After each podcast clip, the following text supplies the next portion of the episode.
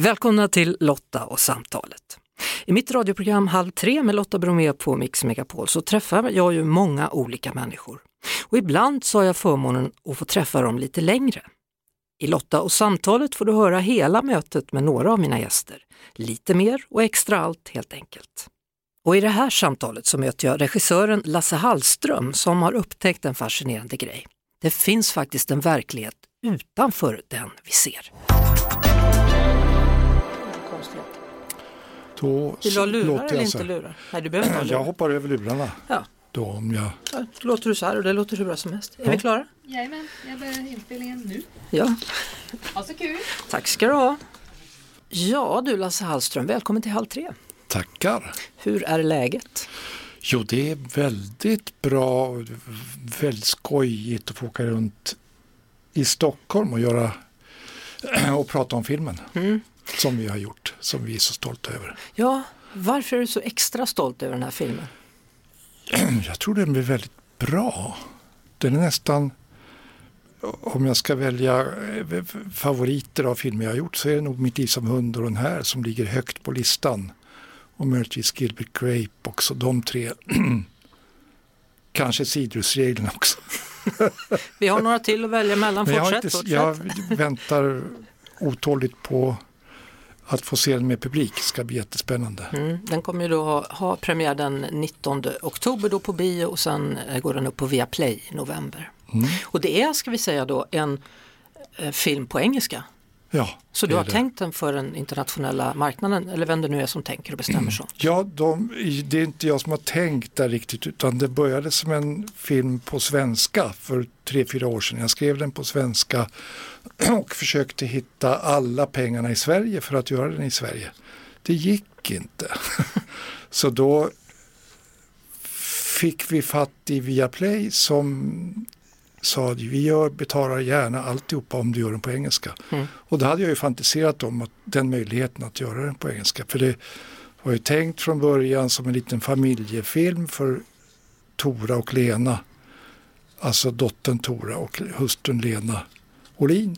Och då, Tora pratar ju flytande engelska så det passar ju bra det också. Mm. Det, gick, det var en, en tänkbar tanke. Mm. Så vi har gjort den på engelska fast den utspelar sig i Sverige. Mm.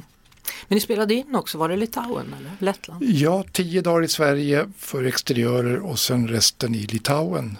Mm. Ja, För de har byggnader då som är, ja det passar är in väldigt till. likt Stockholm där Ja. tycker jag. Och interiörerna byggdes ju och, och rekvisitan var från Sverige och Ja. svensk fotograf, svensk designer. Ja. Ja, Svensk regissör. Ja, Det är roligt att du nämner eh, de filmerna du nämner som du har varit väldigt nöjd med. Jag, Mm. jag läste någonstans om filmer som, som du hade tackat nej till. jaha, Ja. Catch me if you can. Hade du erbjudande om att göra det? ja. Det var väl inte jag som... Jag, Vad gjorde att du det- sa nej? Farbror Weinstein, den beryktade... Jaha, var det han som bestämde? Ja, Ja. han tyckte inte att jag skulle göra den. För att, Och för att han hatade Dreamworks-bolaget och var väldigt avundsjuk på det. Så när han hörde att jag skulle gå över från Dreamworks, från Miramax till Dreamworks så blev han galen Mm. och sa du får aldrig mer jobba för mig om du går dit. Och då blev jag rädd, det var ju väldigt dumt och tackade nej. Mm. så det, men, det men var idiotiskt. ja, ja. Mm.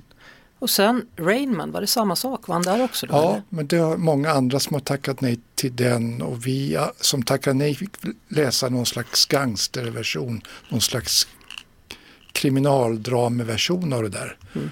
som ingen av oss gillade. Men den som gjorde filmen sen, han gick tillbaka till det tidigare manuset och då blev det ju en mycket bättre film Mm. än den jag läste. Det var Barry Levinson, va? eller? Ja, just det. Sen, sen var det Döda Poeters Sällskap också. då. Jaha, just det. Men då var alla regissörer, det var 16, 17, 18 regissörer som, som tackade nej. Jag var en i raden där. Hur kommer det sig? Ja, det förstår jag inte nu. För Det det, var rätt knepig film att göra. Det blev ju väldigt lyckat. Peter Weir gjorde den va? ja, ja. Det gjorde han ju väldigt bra. Ja, det var ju ett misstag också. Men, det- men det känns som det är en film som du skulle kunna ha gjort väldigt bra. Ja, Robin Williams var väldigt bra. Jag förstår inte nu varför jag inte Ska- hoppade på det. Ska vi skylla det på Weinstein? det också? Det kan man ju göra. Ja. Så, Ja. men hur var det att jobba med honom? För det måste väl alla undra? Efter allt som hände med Ja, metoo och Jo, skandalen. vi hade tur, vi slapp eh, eh, allt för nära kontakt första filmerna. Han tyckte att vi jobbade på bra och vi fick beröm och, Mm. och han gav oss fritt spelrum där första filmerna. Så inte förrän på sista filmen jag gjorde för Miramax så började han lägga sig i.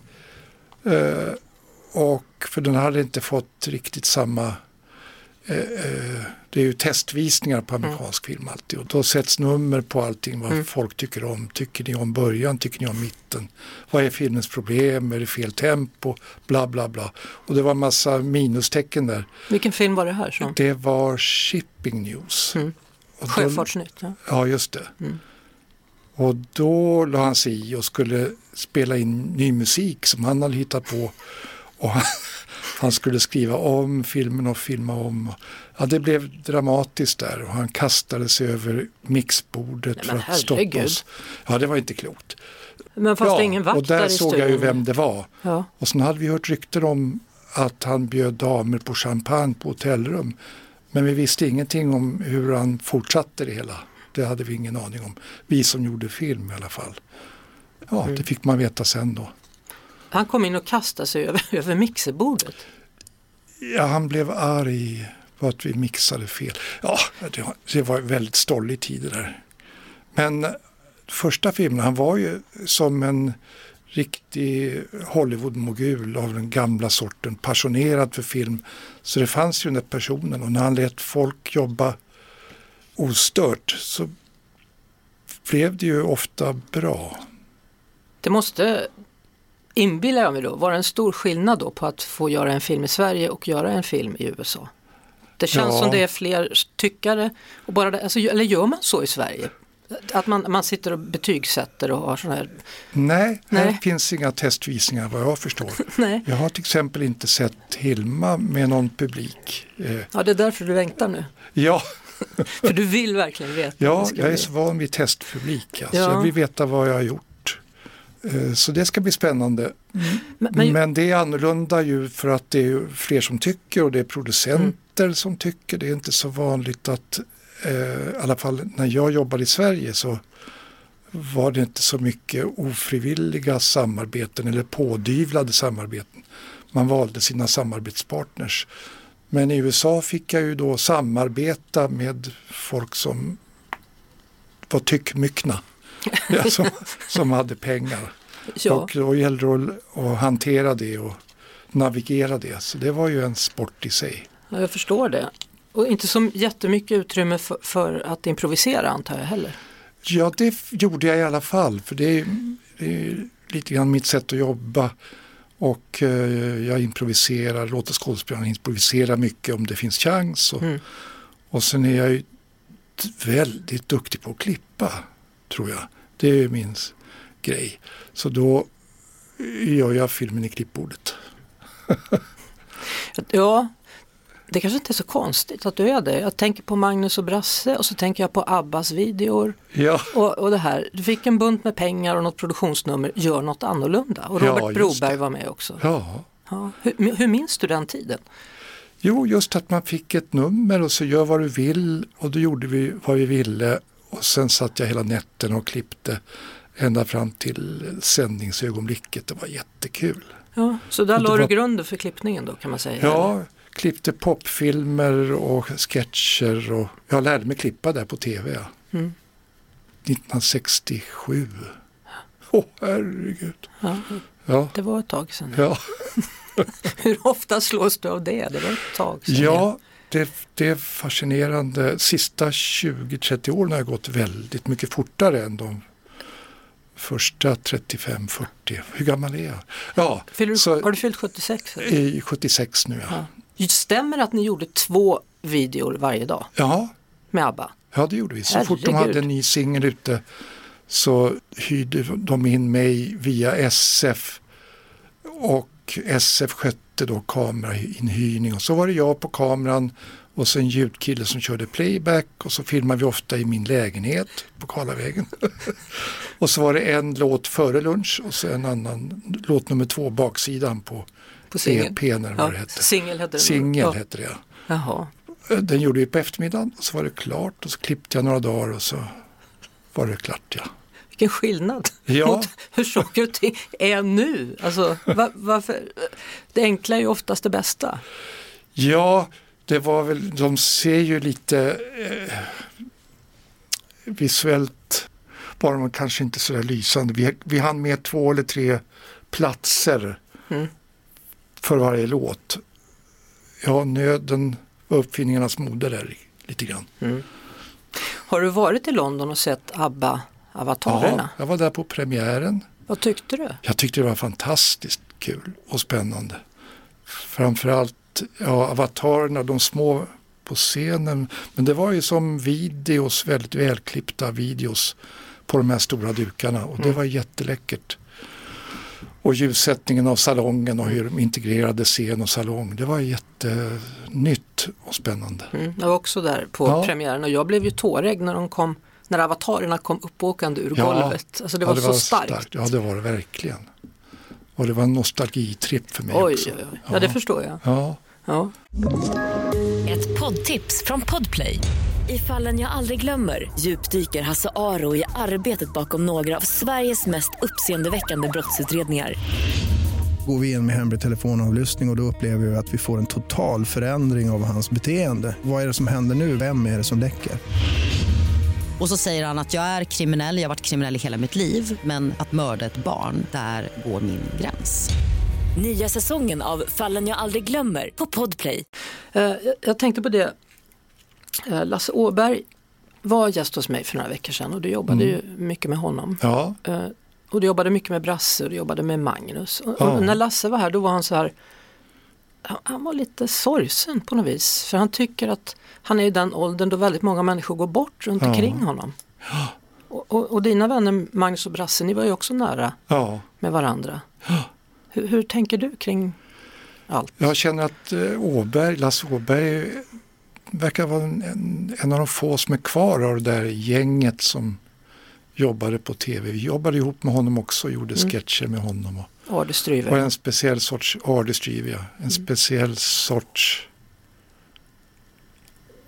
Ja, jag är också lite nostalgisk och sentimental inför det. Mm. Och tycker Åberg är underbar och skojig på ett sätt som jag kan sakna idag. Kanske ska slå honom en signal? Ja, jag har bjudit in honom på premiären och vi håller kontakt lite grann. Mm. Väldigt lite tyvärr, för att jag sitter ju i Amerikat oftast. Mm. Hur, hur mycket blir man kompis med dem man har jobbat med?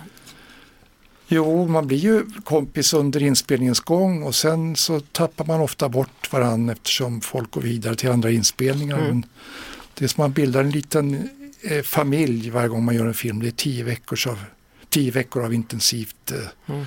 samarbete och samvaro. Så man lär ju känna folk men sen så brukar jag tyvärr tappa kontakten med de flesta. Det, vi tappar kontakten väldigt lätt, vi som jobbar med film.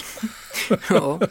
Men du, lyssna på det här. Richard Gere, Johnny Depp, Leonardo DiCaprio, Helen Mirren, Michael Caine, Charlize Theron, Jeremy Irons, Heath Ledger, Morgan Freeman, Lena Olin, Robert Redford, Jennifer Lopez, Kevin Spacey, Julian Moore, Judi Dench, Kate Blanchett, Julia Roberts, Gina Rowlands, Richard Dreyfuss, Holly Hunter, Spike Lee, Liv Ullman, Glenn Close. Jaha. Det var ett gäng som du har jobbat med. Ja, så är det ju. Jättekul har det varit. Underbart spännande. Ja. I hur många år då? I massor med år. Vi det var kan, Mitt liv som hund som öppnade dörrarna till det amerikanska äventyret. Det var ju slutet på 80-talet redan så började jag jobba där. och sen blev du liksom kvar där. Ja, sen träffade jag Lena som var den enda i Norden som också jobbade i Amerika. Och då lyckades, ja vi träffades och flyttade dit Mm. 97. Hur är det tycker du? Eller har du glömt bort hur det är att bo i Sverige? Nej, Nej. det, det känns ju, det, jag längtade hem mycket i början Mm. men nu eh, känner jag att jag kan bo på bägge ställena. Det är ingen riktig längtan åt något håll utan jag trivs både här och där. Mm. För det är ju ändå en rätt stor skillnad, eller? Det kanske inte är så stor skillnad. Där ni bor i Eh, Bedford bor ni va? Norr, ja, norr om det. New York där. Ja, det har flutit ihop på ett konstigt sätt. Även kulturerna har ju flutit ihop lite, märker Mm. man när man kommer hem till Sverige. Mm. Svenska språket förändras, tv förändras här och blir mer och mer amerikaniserat tycker jag man kan se. Vet du vem som har blivit tv-chef då?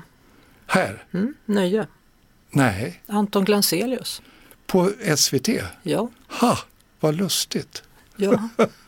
Hur saker Jaha. och ting händer. Ja, han skulle ju bli eh, fotbollsproffs i Brasilien när vi gjorde Mitt liv som hund. Mm. Ja, då har han ju halkat snett då stackarn. Jag tror han trivs rätt bra där Ja, faktiskt. det verkar det som. Ja, man vet inte. Och vi pratar om Hilma då, filmen. Ja, och inte minst Hilma af Klint. Hur, hur fick du syn på den här annorlunda människan? Hur visste du att hon hade funnits på jorden? det visste jag. Jag visste ingenting om henne förrän Lena berättade om en film hon hade sett på ett flygplan som hette Personal Shopper, en amerikansk film. Och där förekom Hilma af Klint, en svensk konstnär. Och sen eh, blev jag nyfiken på det där och började läsa på. Och jag hade gjort en research för en film om UFOs innan. Jag höll på med det då. Mm. Eh, och där fanns det i den researchen hittade jag så mycket kopplingar till något mystiskt och andligt och som verkade vara på riktigt. Jag var fascinerad av det där. Det kanske finns någonting på andra sidan. Och då kom Hilma in i bilden och jag började läsa på och tyckte då att det här var jättespännande. Hennes tankar, inte så mycket hennes konst utan tankarna och hennes förmåga att porträttera saker som vi, inte, som vi andra inte kan se. Ja, allt det där var, blev, jag blev besatt av detta. Jag höll på i två, tre år och skriva olika svenska manusversioner på det där. Mm. Med tanken att Lena och Tora skulle dela på rollen.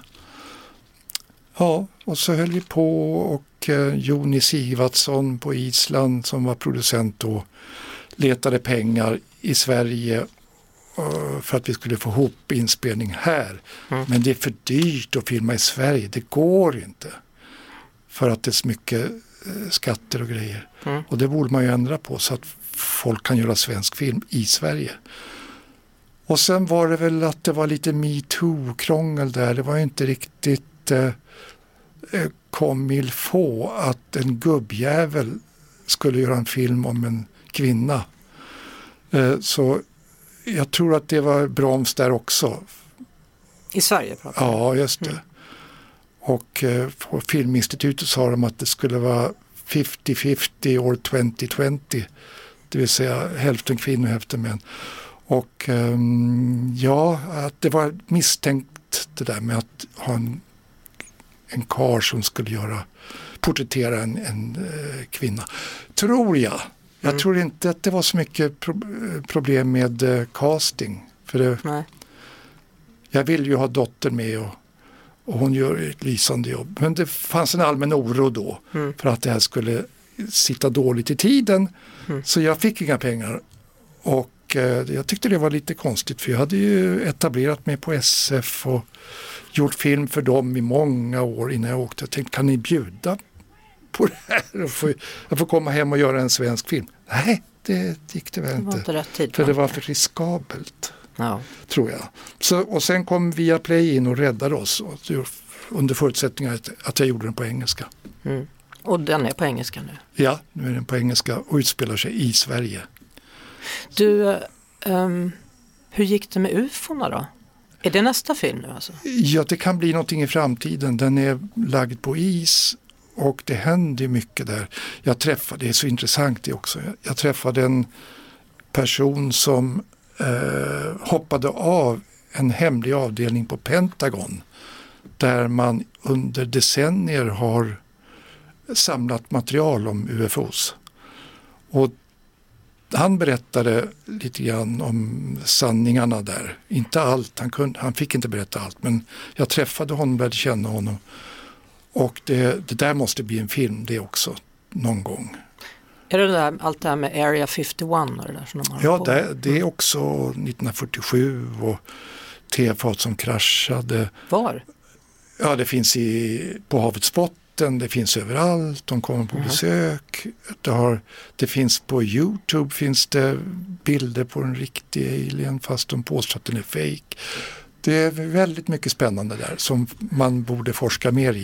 Det Ja. finns ju många gäng, även här i Sverige, som tar det här på allvar. Men tar du det på allvar? Oh ja! Oh. Gjorde du det innan du träffade den här mannen? Eh, ja, jag var nyfiken på det. Men så fick jag det bekräftat att eh, det här är på riktigt. Mm. Genom mötet med den här mannen. Men, men jag har förstått att, att det här med andlighet och att det finns en annan värld som vi inte alla kanske ser. Mm. Att det har drabbat dig ö- Ja, under... jag är omvänd. Du är en omvänd man. Vad ska vi kalla dig nu då efter att du blev omvänd? Eh, ja, jag är vänd åt rätt håll tycker jag. Mm. Eh, för att det här är på riktigt och jag har träffat ett medium, ett oerhört skickligt svenskt medium som har kontaktat eh, folk på andra sidan och hjälpt, som har hjälpt oss med filmen. Inklusive Hilma af Klint själv. Mm. Vad sa hon då? Tyckte hon det var kul Hon sa att det blev saker film? som Eller? var fantastiska och Mm. som är med i filmen. Citat, direkt citat från henne som inte finns i böckerna.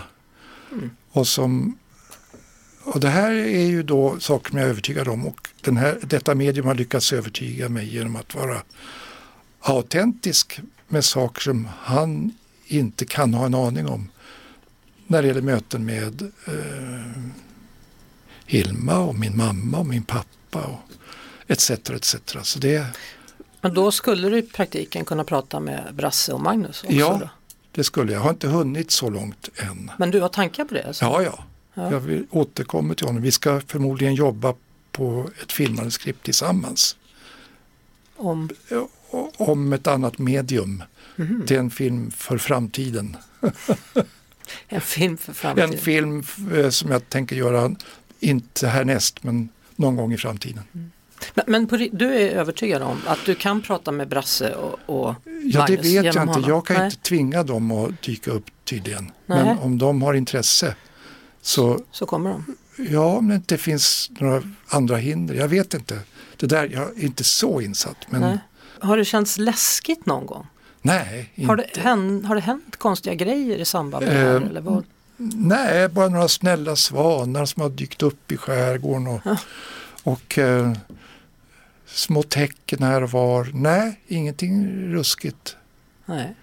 än så länge. Men, men är det en tröst i det då? Att du nu har någonting eh, som Ja, är större än absolut. oss att, att tro på? Förstår du vad jag Och menar? det, är, det, det är en otrolig tröst och, och i att i nuläget känna, veta att eh, när jag kommer till en dörr och en, jag går inte in i väggen nu, jag kan öppna en dörr och kanske få någon fortsättning på andra sidan dörren. Jag vet inte, men det, det känns ju väldigt skoj att eh, få bekräftat att det finns en, an, en andra sida Ja. där det pågår saker.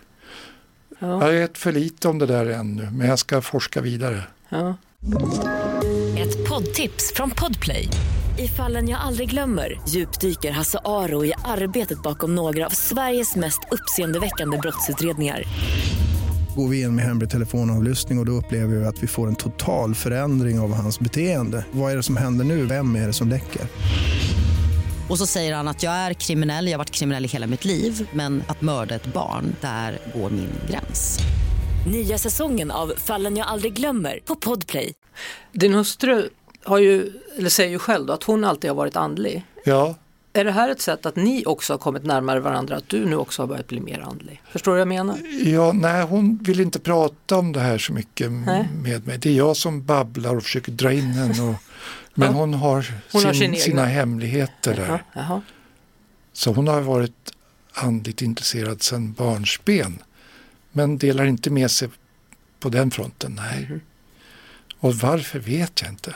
Tora har också varit med hos detta medium och fått uppmuntran. Och, Mm.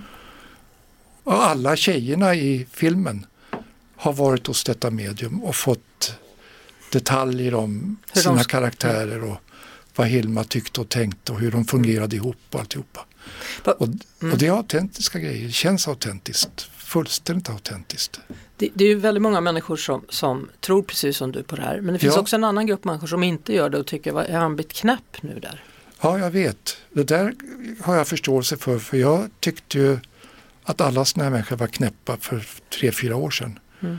Innan jag blev inblandad i det här. Jo då, det, är jätteknä- det låter jätteknäppt för de flesta. Du, vad är det som gör att du och Lena har ett bra äktenskap? Ja, Benny säger, min kamrat Benny, att vi har vi har haft träning på det därför att i olika inkarnationer så har vi hängt ihop sedan antiken. Detta är ju svårt att ta till sig, Ja, även för mig. Men i stort är det väl för att vi, fu- vi funkar så bra ihop för att det, det är mycket trådar och saker och det kallas väl kemi då och jag vet inte vad det är, kemi. Och jag var dålig i kemi i plugget också. Men det är väl något där att vi passar ihop och, vad- och har ni kul hon ihop? är kul, hon har humor, hon är väldigt livlig och, och jag fantiserade om att jag skulle innan jag träffade er tänkte jag att det- jag skulle vilja ha en människa som var si och si och så. Och så träffade jag henne efter det. Och det var hon både si och si och så. Ja. Precis som jag hade tänkt mig. Som du hade önskat? Ja, Ja. Men då hade ni egentligen redan träffats då? ja på något sätt. Ja, det hade vi ju Ja. naturligtvis. Om Benny har rätt. Om Benny har rätt? Ja, Det är mediet, Benny. ja, Mm. ja det är Vad har det han? Va? Han har telefontid på mig. Ifall det är något. Ja, Ja, kära ja herregud. Ja, det är Ja. konstigt det där. Ja. Du, jag, jag räknade ju upp tusen namn förut som du har, har jobbat Ja. mellan. Hur, hur känner du dig i relation till dem? Alltså känner du att, att det, ja, men det är fullkomligt normalt? Eller blir du lite starstruck som vi andra blir som läser den här långa listan? Ja, alltså i första mötet med många av de här så blev jag ju eh, blyg och konstig. Och sen får man ju träffa dem regelbundet när man gör filmen och då märker man ju att alla de här, nästan alla de här är ju är lika utsatta framför den där grymma kameralinsen. Att det, att det är jobbigt och, och man behöver stöd och hjälp när man står där. Och, så vi känner ju mer att vi är väldigt lika. Man tror att de är stora och starka och större och starkare än en själv men vi, det slutar med att vi håller varandra i handen och, och eh, vacklar fram tillsammans. Ja, det är väldigt tillfredsställande att, känna att eh, även stjärnor kan gå vilse lite. Och de- de flesta har jag ju dålig kontakt med. Jag har kontakt med Richard Gere och Johnny Depp och Leonardo ibland. Hur mår han, Johnny Depp? Han har ju haft det rörigt. Jo, nu mår han bra igen. Ja. För han vann ju det här målet rättvist. Jag visste innan att det var på det där sättet. Mm. Så det var ju väldigt trevligt. För han var nära eh, att gå i, i någon väg. Och nu är han ju otroligt lättad. Mm. Men det är ändå roligt för, för just eh, Johnny Depp och Leonardo DiCaprio. Du Mm. träffade ju dem när de var väldigt mycket i början av sin karriär. Ja, Leonardo snudd på upptäckte jag. Ja. Han hade gjort en film som jag inte hade visat sen tror jag. Som, men sen eh, fick han ju en Oscarsnominering av rollen han gjorde i Gilbert Grape. Han vann inte konstigt nog. Men tidigt det, kanske? det var i början på hans karriär. Ja. Han var 18 år när vi gjorde den. Nu är han 48. Det är det. Då är det Ja. 30 år sedan då. Ja, över 30 år sedan. Såg man redan då att det här kan bli en superstar eller hur tänkte du? Ja, första dagen, första tagningen såg, man, såg vi alla i teamet att den här killen är ju en talang. För han var så autentisk i det han gjorde där och vågade så mycket. Och han var duktig på allt. Han eh, satt vid en bil och vi körde vilse i Austin så hittade, kunde han leda oss hem. Och Jag tror han skulle vara bra på allting han företog sig. Mm. Och han har ju gjort lite annat också. Blivit eh, världssamvete när det gäller klimatet och sådär. En väldigt begåvad typ. Har du varit stolt då när du har sett det han har gjort? Eller? Ja, För jag antar att det måste bli lite grann så i alla fall. Ni måste väl haft den Ja, relationen till jag är lite varandra? sur också för att han har tackat nej till några roller som jag erbjudit. Jaha, vilka då? Eh, och sen blev jag ju sur på Weinstein för att han tvingade att tacka mig till eh, Catch Me If You Can Mm. som Leonardo ville att jag skulle göra. Det är nog det suraste jag har varit på, på i mitt liv. Ja, men det kan man För det förstå. var verkligen ett misstag. Ett stort misstag. Stämmer det att din pappa var tandläkare Ja, men gillade film och vann Ja. ett pris för Sommarstad en Ja. gång i tiden? ja just det. Han gjorde en dokumentär om Stockholm år 1938. Och på, vann pris? Ja, i Dagens Nyheters smalfilmstävling. Jag har prisbucklan kvar, silverbuckla hemma. Härligt. Ja, Så han gick omkring där då. Först var han tandläkare, borrade lite, gick ut och sen... ja. Jaha. efter fem efter jobbet då gick han ut och filmade med sin dubbelåtta. Den är väldigt bra den där. Det är inget ljud eller något men det är färgfilm. Det var ju ovanligt på den tiden. Ja. Blev du inspirerad där eller? Ja det tror jag. Vi tittade ju alltid på de där filmerna när det var folk hemma. Och jag har sett den där filmen hundratals gånger, tusentals kanske. Mm. Och, eh, och det var kalas och pappa fick beröm för de där filmerna. Och jag sög ju i mig lite av det och tänkte det där ska jag nog hålla på med, man får ju beröm. Och ja, så var det Chaplin-filmer och, och den sortens humor. Tusentals visningar av det också. Så det var väl inspirationen, de Ja. tidiga. Det var innan tv fanns, så det var ju pappas filmer och Chaplin som jag växte upp på. Gick du på biografer också? Ja, då, Ja. på Grand i Spånga. På matinéerna där på Folkan, det var lite längre promenad. Mm. Men där gick jag också på matiné. Man kunde se två matinéer på en och samma söndag. Ja, det var mera Fridolf med eh, Douglas Håge Jaha. och sådana grejer. Ivanhoe var ju bra. Men vad, vad, vad känner du att du har, har kommit i ditt liv yrkesmässigt? Känner du att nu behöver jag inte bevisa något mer eller behöver du bevisa något mer? Har du, har du någonsin haft den känslan? Jag tänker ju att nu ska jag göra vad jag vill. Precis bara det jag är. För jag har ju väx, jag kallar det för växelbruk. Mm. Det är det ju inte. Men jag har hoppat mellan saker som ligger mig väldigt nära om hjärtat och saker som ligger lite längre ifrån hjärtat. För jag kommer ju inte till Amerika med någon förmögenhet och, och, och vi har ju då gjort rätt för oss där och betalt våra hyror och Mm. och banklån och saker. Så jag har jobbat av och till med hjärteprojekt som Mitt liv som hund eller Mm. som Gilbert Grape var ett hjärteprojekt. Och så. så har jag gjort annat som jag står för naturligtvis men som är lite lättsammare saker. Mm. Och nu vill du göra bara det? Ja just det, om jag kan men det är fortfarande inte säkert att jag eh, har råd Mm. att göra det. Men jag skulle hemskt gärna vilja ha råd. Du är inte sugen på att gå tillbaka till tv då? För det är ju ganska stort nu. Det är många Mm. regissörer som gör det. Jo, nu är det ju naturligtvis med Netflix och Ja. alla de här eh, streamingkanalerna. Jag är helt öppen för det. Lite jobbigt att göra en tv-serie. Jag, skulle jag vill fortfarande göra långfilm. Och det känns lite grann som man drunknar i, i Netflix. Det, det gör så mycket och man hinner inte, själv hinner jag inte se det. Jag förstår Mm. inte vad jag ska titta på. Så det slutar med att jag, jag trycker på knapparna och så dyker loggon upp och sen somnar jag för att jag kan inte bestämma vad jag ska se. Nej, Och sådär. meningslöst. Ja. Ja. så jag vill gärna göra biofilm fortfarande. Ja. Eh, v- vad betyder eh, Vaxholm för dig?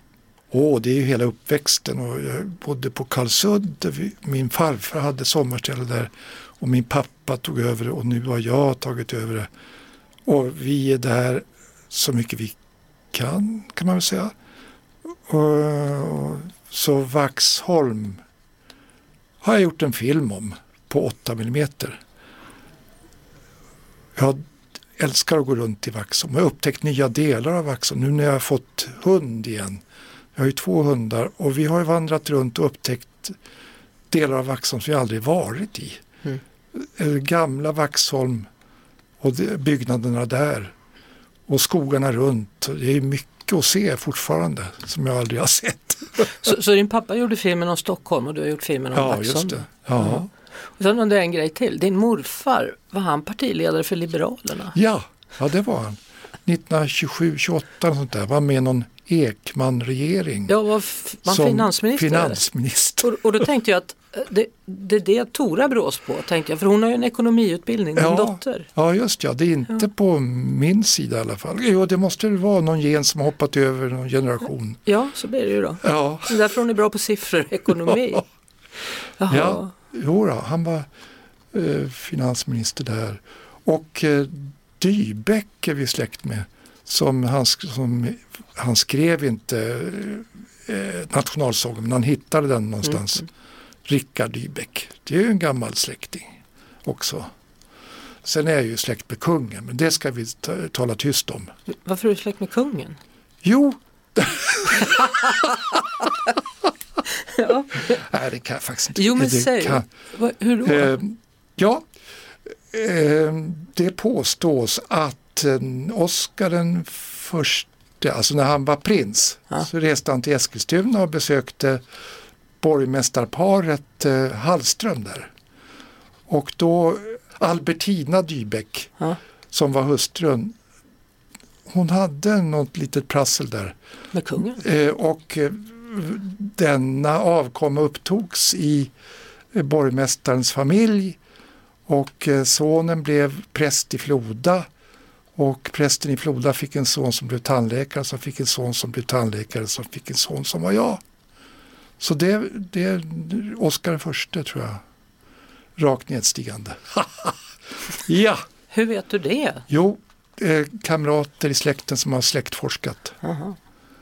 Eh, Det är ju en film bara det här, alltså. det hör man ju. Ja, men det är många. Jag har det här gemensamt med många som, Mm. jag kanske inte just den delen av trädet, men det var ju, det, eh, ja, det finns många släktingar till, Till Oscar eller? till, till, till mig. Ja, till dig ja. Ja. ja.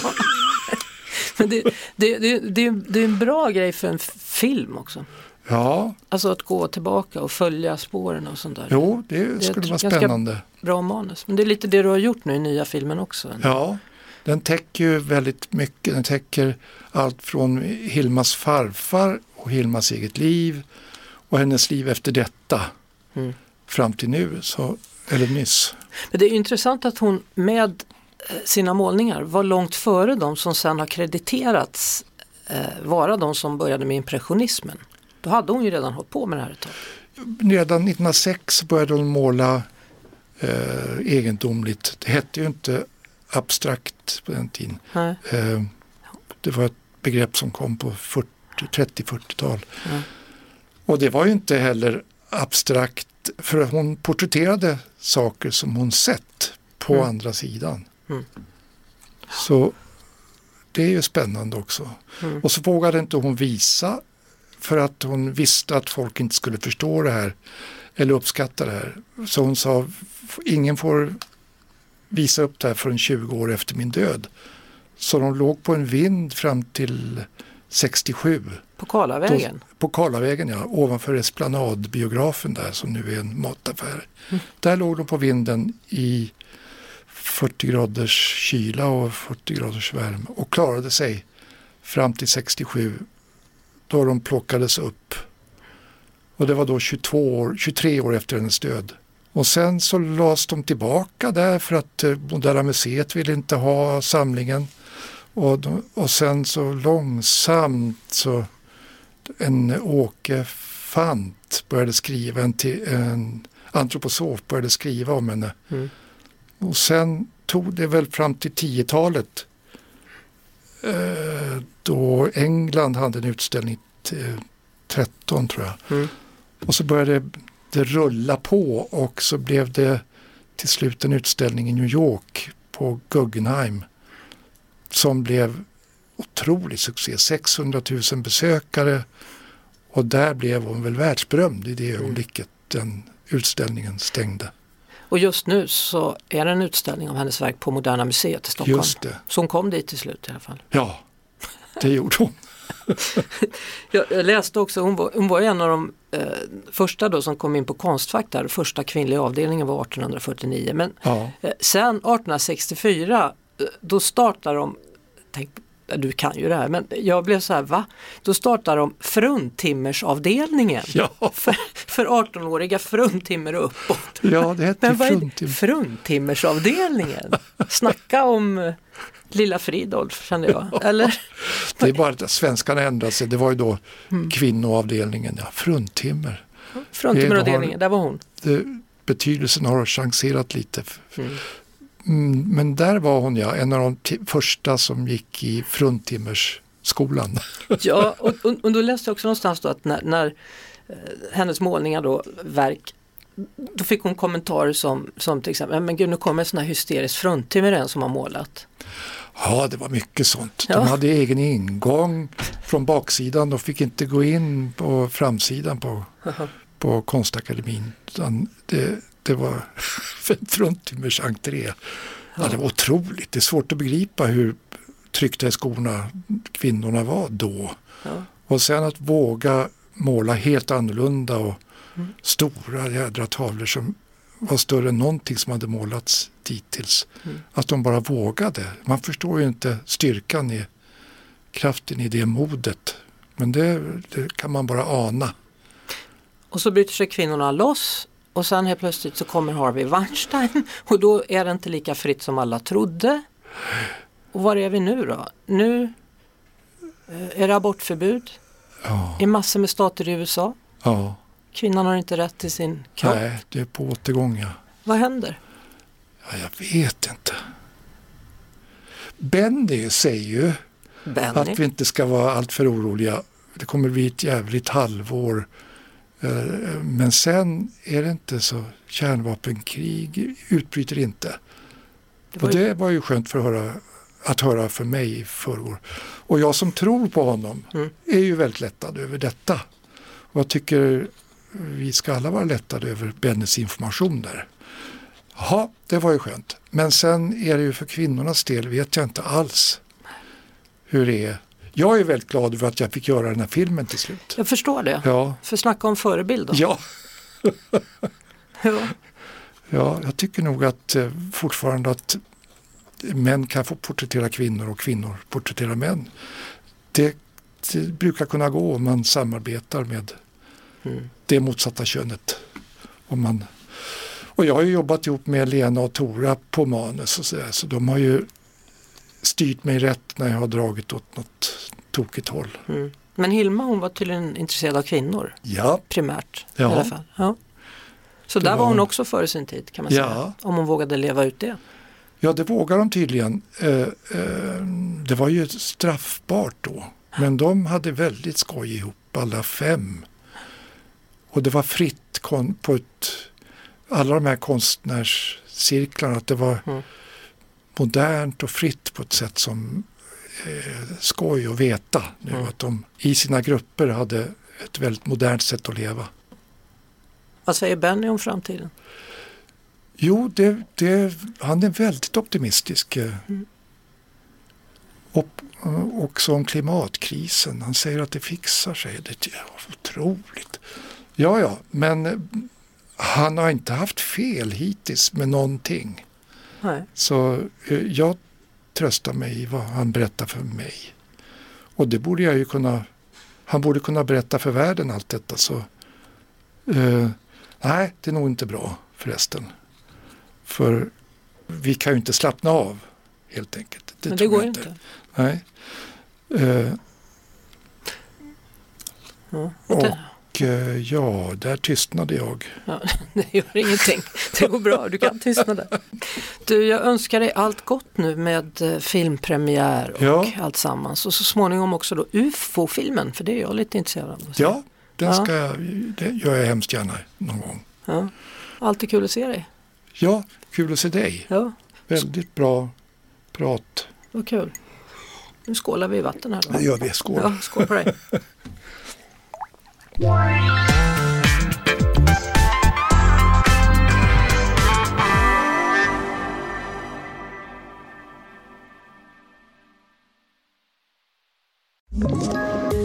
poddtips från Podplay. I fallen jag aldrig glömmer djupdyker Hasse Aro i arbetet bakom några av Sveriges mest uppseendeväckande brottsutredningar. Går vi in med hemlig telefonavlyssning och, och då upplever vi att vi får en total förändring av hans beteende. Vad är det som händer nu? Vem är det som läcker? Och så säger han att jag är kriminell, jag har varit kriminell i hela mitt liv men att mörda ett barn, där går min gräns. Nya säsongen av Fallen jag aldrig glömmer på Podplay.